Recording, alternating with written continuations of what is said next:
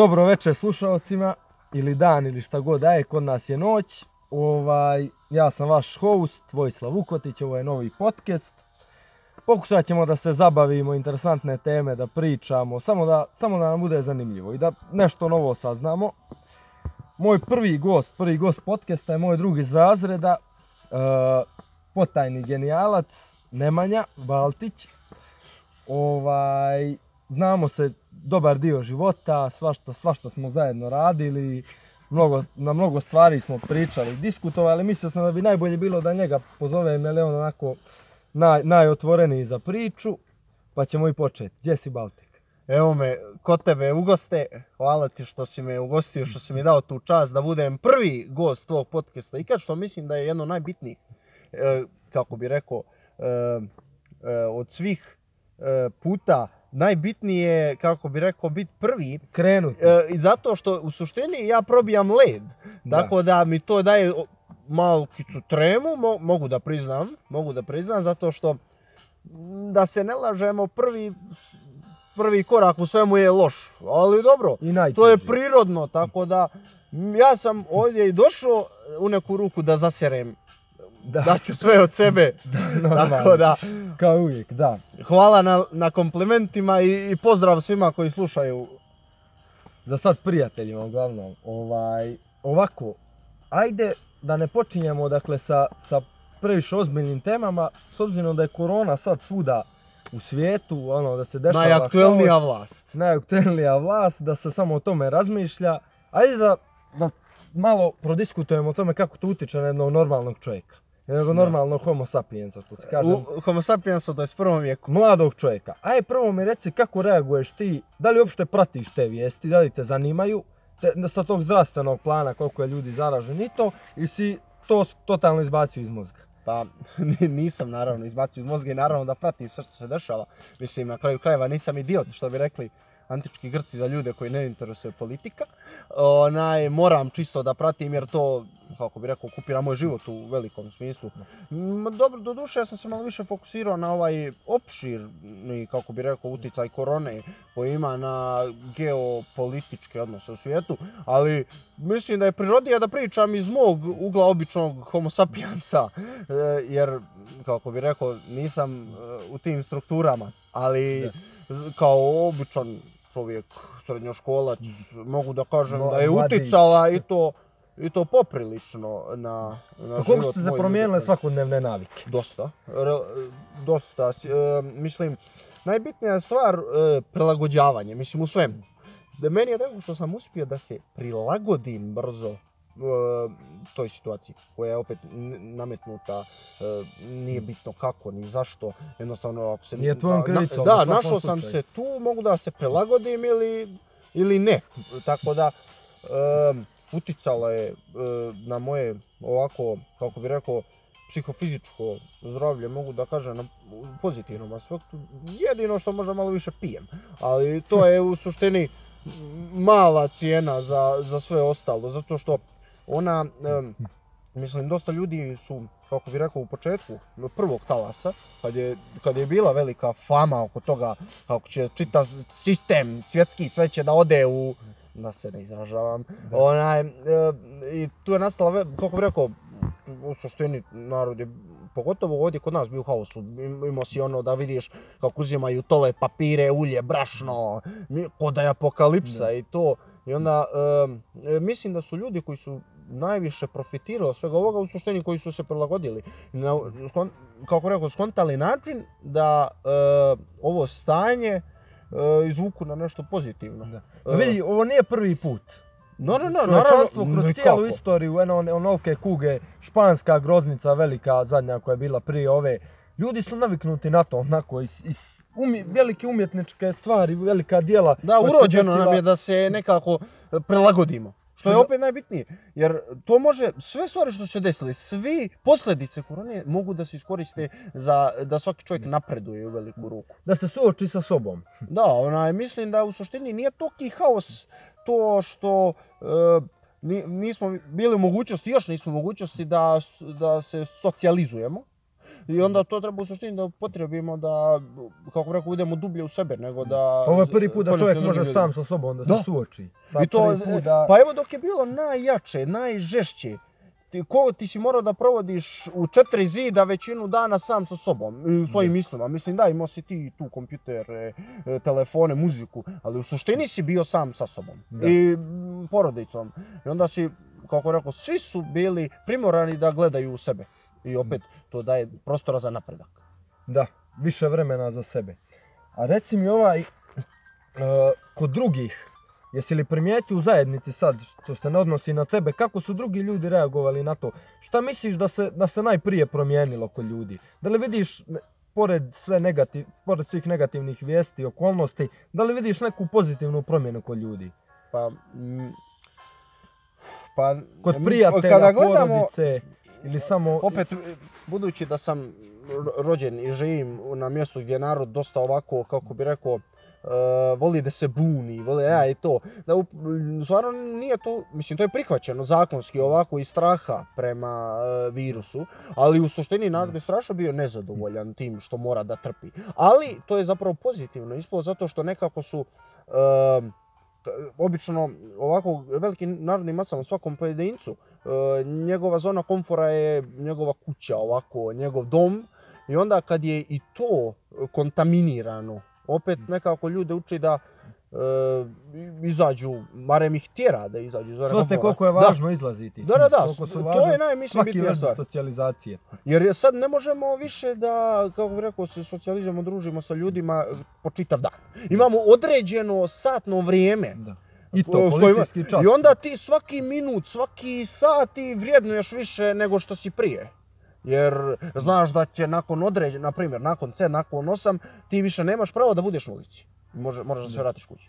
Tako da, ljudi više svoje vrijeme dosta bolje ko- koriste. A to je najbitnije, mislim, mora, kako bi rekao, da to, to moramo da. Da, naučimo da radimo Da. u potpunosti. Više vrijeduju jednostavno. Dobro, oni u svoje vrijeme i planiraju bolje socijalne interakcije s drugim ljudima. Jel opet kad pogledaš toliko je ljudi i ovako, ono, da kažem, preokupirano svim, ono, pleasures, Da, što da, se da, kaže, to je to. svim, svim, toliko smo ono overwhelmed sa stvarima koje nas ono konstantno davaju zabavu, a zapravo ono, rijetko kad gledamo u sebe. Da, e pa to je to, I to, sada, je to sam prije pokušao Kad da nam je i to ponuđeno, maksimalno, s obzirom ajde kad je bio policijski čas od dva da kažemo, pa si imao od dva do sutra ujutro vremena da budeš na te telefone i sve to, i to dosadi čovjeku. Mislim u mom ličnom primjeru, ja sam mislio da ću moći, nisam mogao posle dva mjeseca, ono, nije, više, nije mi se gledalo ono što inače volim na telefonu i što bi sigurno gledao, nisam mogao. No mi je trebala Da, ali, socijalizacija. ali opet, o, pošto nisi mogao da priđeš socijalizaciji, ti si morao na telefonu tražiš nešto što inače nisi gledao. I to je to gdje, ti, gdje si u suštini unaprijedio Da. sebe na, na, na, na taj način. Jer opet, ti kako bi rekao, e, nemaš više, mislim, imaš, sada su mjere prekinute, ali u tom naj, najžešćem periodu, ljudi nisu imali e, tu odgovornost da moraju da se socijalizuju, da izlaze, da, da se druže, e, što opet u suštini ljudi više rade iz neko radi od nekako Da bi radili. da, da bi radili nego zapravo što stvarno uživaju u tom. Efekat E, i- i- da, e- efekat i onda kako se zove, mogu si, kako bi rekao, sam sa sobom da ra- raspraviš neke stvari. Da. A ovaj, recimo, znaš šta mi je fascinantno? Škole i sve ostalo. Ne, neđe gdje ti imaš, da kažem, obaveznu verbalnu komunikaciju, kao ono, recimo, osnovne škole, pa i mi. Ja i ti smo u srednjoj idemo ono online. Doduše, ajde, mi smo četiri godine već prošli, mislim, Da. i osnovno, ali ajde ljudi koji počinu vrtići, sve ljudi koji se ne socijalizuju. Znaš, mislim da će, Čak i maske su tu dosta veliki Maske, faktor. Ti maske. ne vidiš čovjeku lice, što je mnogo bitno. Mislim, Da. riječi su 5% čitave komunikacije. Sve ostalo je zapravo tvoje tijelo, da, da. tvoj facial expression i to. Da, da. A pored toga mislim što smo ono, što smo inače te neke pozitivne, što čovjek može da vi- više gleda u sebe, imaš te neke neizbježne posljedice. Da, da, da, ne- Ne možeš da čovjeka. utičeš na to nikako, pa se prilagodi. Inače ćeš sebe Da. oštetiti. Maska, kao što kažeš, to je fascinantno, jer opet Da, da, da. ti prekriješ čovjeku facu, ti ne možeš da vidiš, Ne, ne, možeš ne da, osjetiš ne pravu emociju. iskrenost. Ne, ne-. I onda, kako bi rekao, lakše je ljudima da lažu. A i opet meni smeta što mi se magle naočare, ali dobro. Da. A meni je fascinantno, vidiš, kao vidio sam na internetu ono, uporedio je nijedan čovjek te, te maske i to kolektivno, to da se imunizujemo svi sa ovim satanističkim ritualom. A, da, da, da, Satanistički ritual imaš distancu od 3 metra, imaš masku, svi su pod maskama i, i vode nešto rade sad. Ne rade ovo što, što i rade satanistički rituali, ali to je taj koncept. Da, da, da, razumijem, što, razumijem. Lažno odaljavanje ljudi. Pa, mislim, dobro sad, sad opet u potpunosti nije sad, e, šta ću da kažem, e, u suštini moj, kako bi rekao, pogled na sve to je šta je tu je, ne možemo ništa U provjeriti. svakom slučaju Ali ne vidim, ne vidim e, potrebu sa- da, da se taj jedan, recimo, satanistički ritual opet dovede na čitav svijet.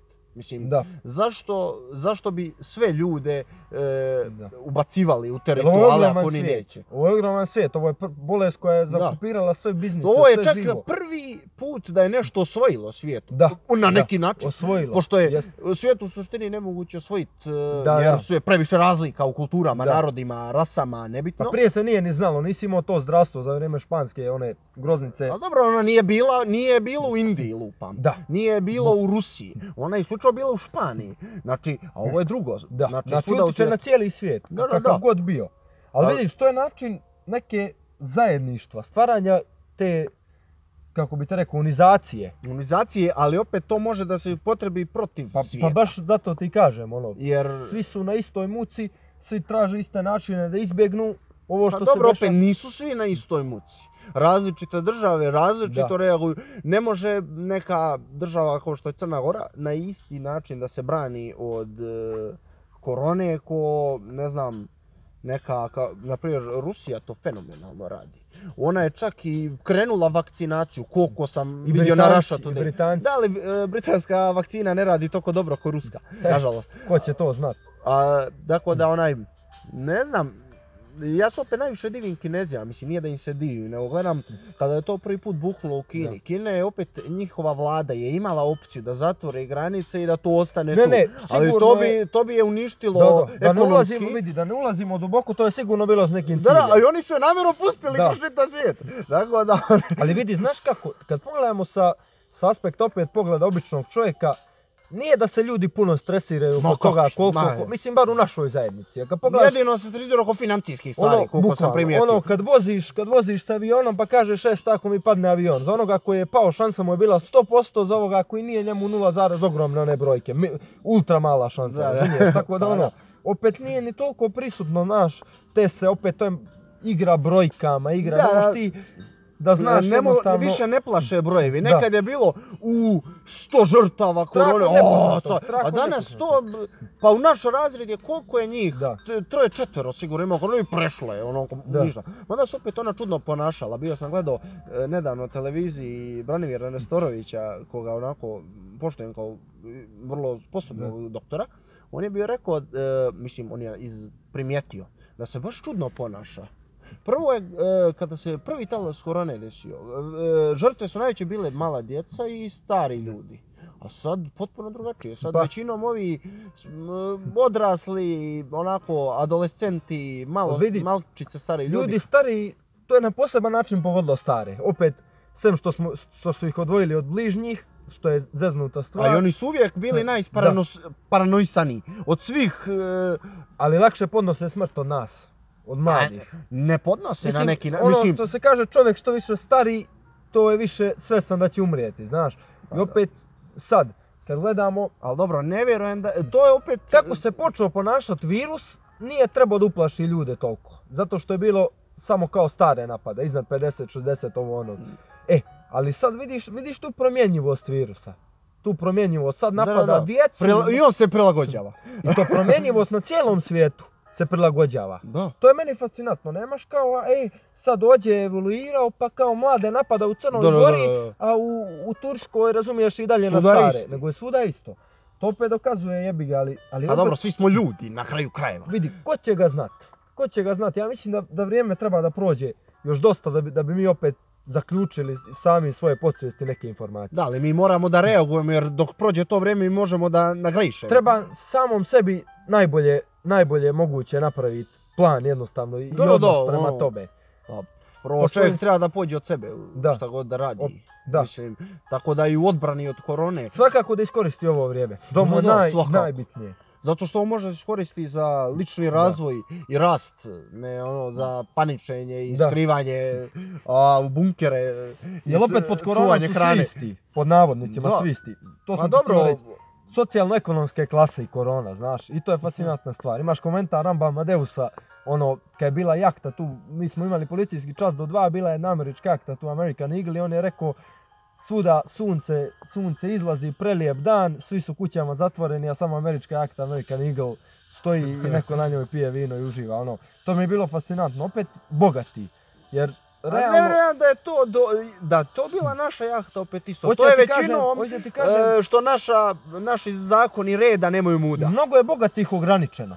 Iako ja mislim da imaju određene enormno bogate grupacije ljudi koje znaju više o koroni nego mi, ali to nećemo ulaziti. Nego pričam ti za bogatije ljude u smislu Pa, klasične bogataše. Da ih, da ih možeš nazvat, razumiješ, imućne ljude, viša, ono, da, razumiješ što hoćeš viša da kažeš. klasa. Pa isto djeluje na njih sve je ljude. pogodilo, da, Mislim ono, da. I to ne je nosiš u grob pare. Da. Tako da, I to, to, to je čak i dobro. Jer su opet i ti ljudi počeli da razmišljaju, ja opet ne mogu putovat, ne mogu, nema klubova, razumiješ, nema, da, sve, opet, sve što su pare donosile, sada pare ne znače toliko. Ne znači to. Ali dobro, opet, to opet s tim parama mogu da, Da. dobiju znanje koje mogu da, Da. a opet znanje može kasnije Teško da se se prevede nalazi. još više para. Da. Jer To opet jeste. to mogu da iskoriste, na primjer, dosta je na berzama bilo povećano tržište onih kompanija što E pa prave Amazon maske. je, Amazon je e, najbogatija kompanija trenutno, Bezos je ono, Da, da, da, on je još se najbogatiji razveo čovjek. pola mu žena uzela, on je i dalje bogat. Poboli ga ovo, bre. Onaj, ali, na primjer, koliko je raslo tržište onih maski, onda Da. svih tih lijekova, respiratora, sve to, to opet utječe na Ali opet ekonomiju. vidi, ajde da kažemo da sad svaki čovjek normalni, normalni čovjek shvati, a to je ekonomska, ekonomski trik. To je trik da se izmanipuliše da ljudi profitiraju. I zamisli sad tu masu ljudi koja bi krenula da, da ne poštuje sve mjere, da, da jednostavno odbaci totalno to se donekle i desilo u Beogradu, E, kada po- je po Vučić tom- pobjedi izbore. Pod Da. sumnjivim uslovima.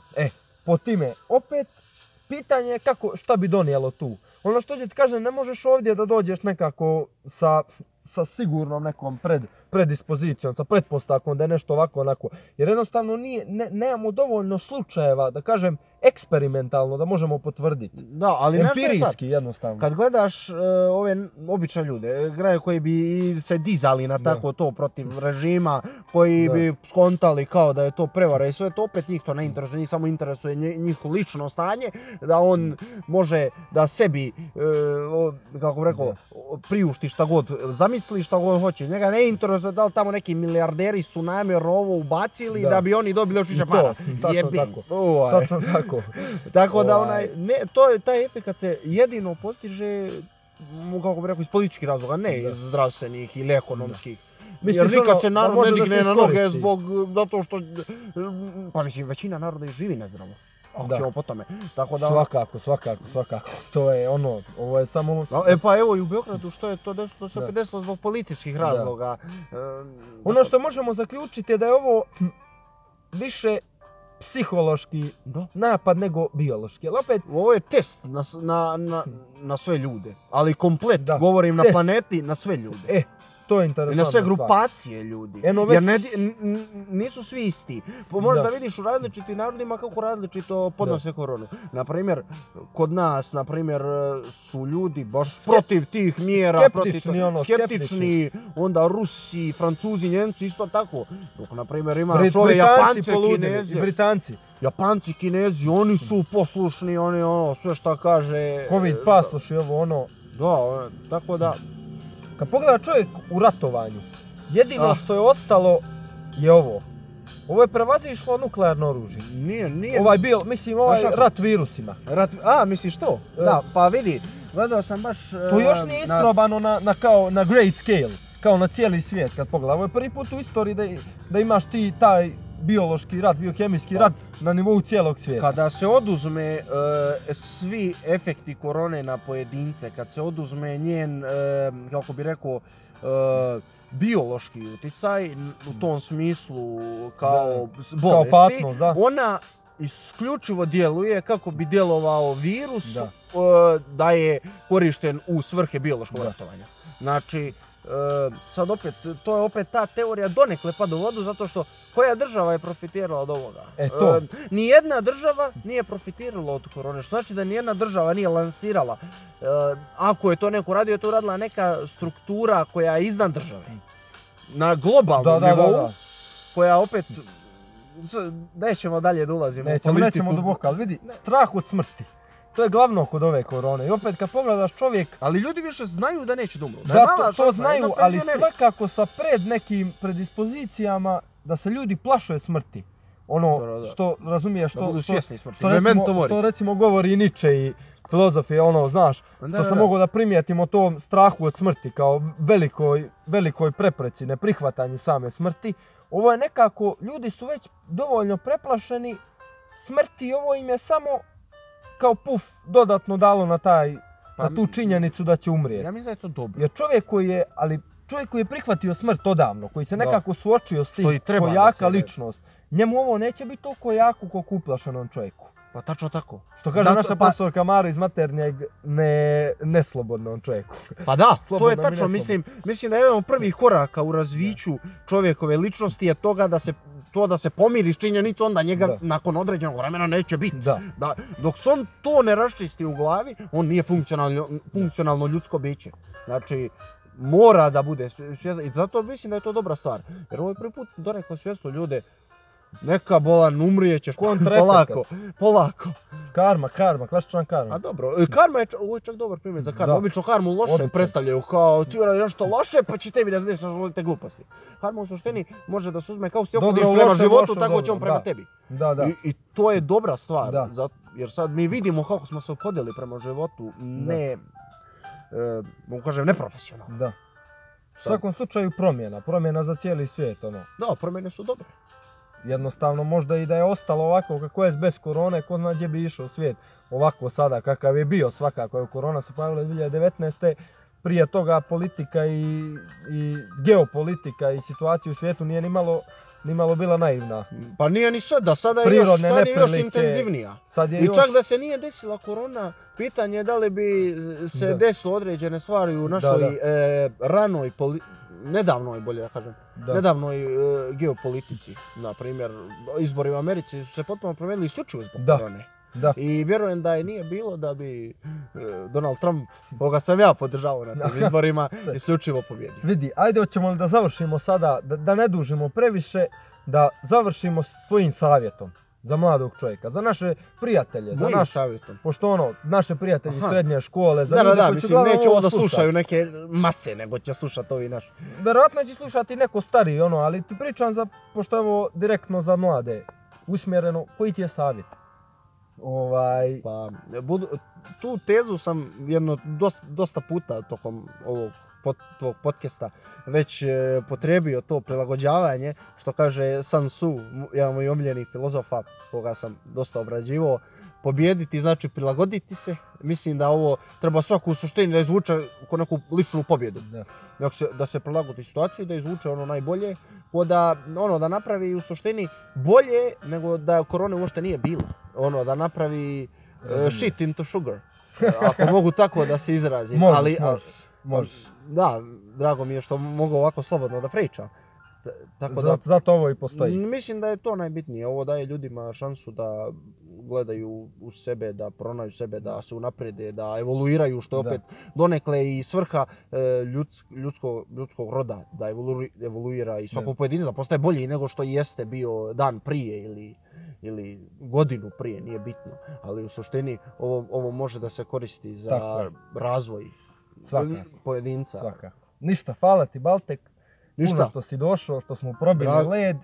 drago mi je, drago Pa mi je što sam imao šansu da Dolazit probijem led. sigurno ponovo, kad budemo A, bilo bi mi dub- dublje teme, ono, malo, Svakako. kad budemo se isključivo, znam ja za koje teme ti ne trebaš, tako da nema frke. To ostavit ćemo publiku da, če- da čekaju e, da vide e, to. Drago mi je što sam m, imao tu čast da budem prvi gost, da probijem led e, i što ću imati Da. čast da ponovo gostujem. Bilo je iznimno zabavno i novo iskustvo, prvi put da radim.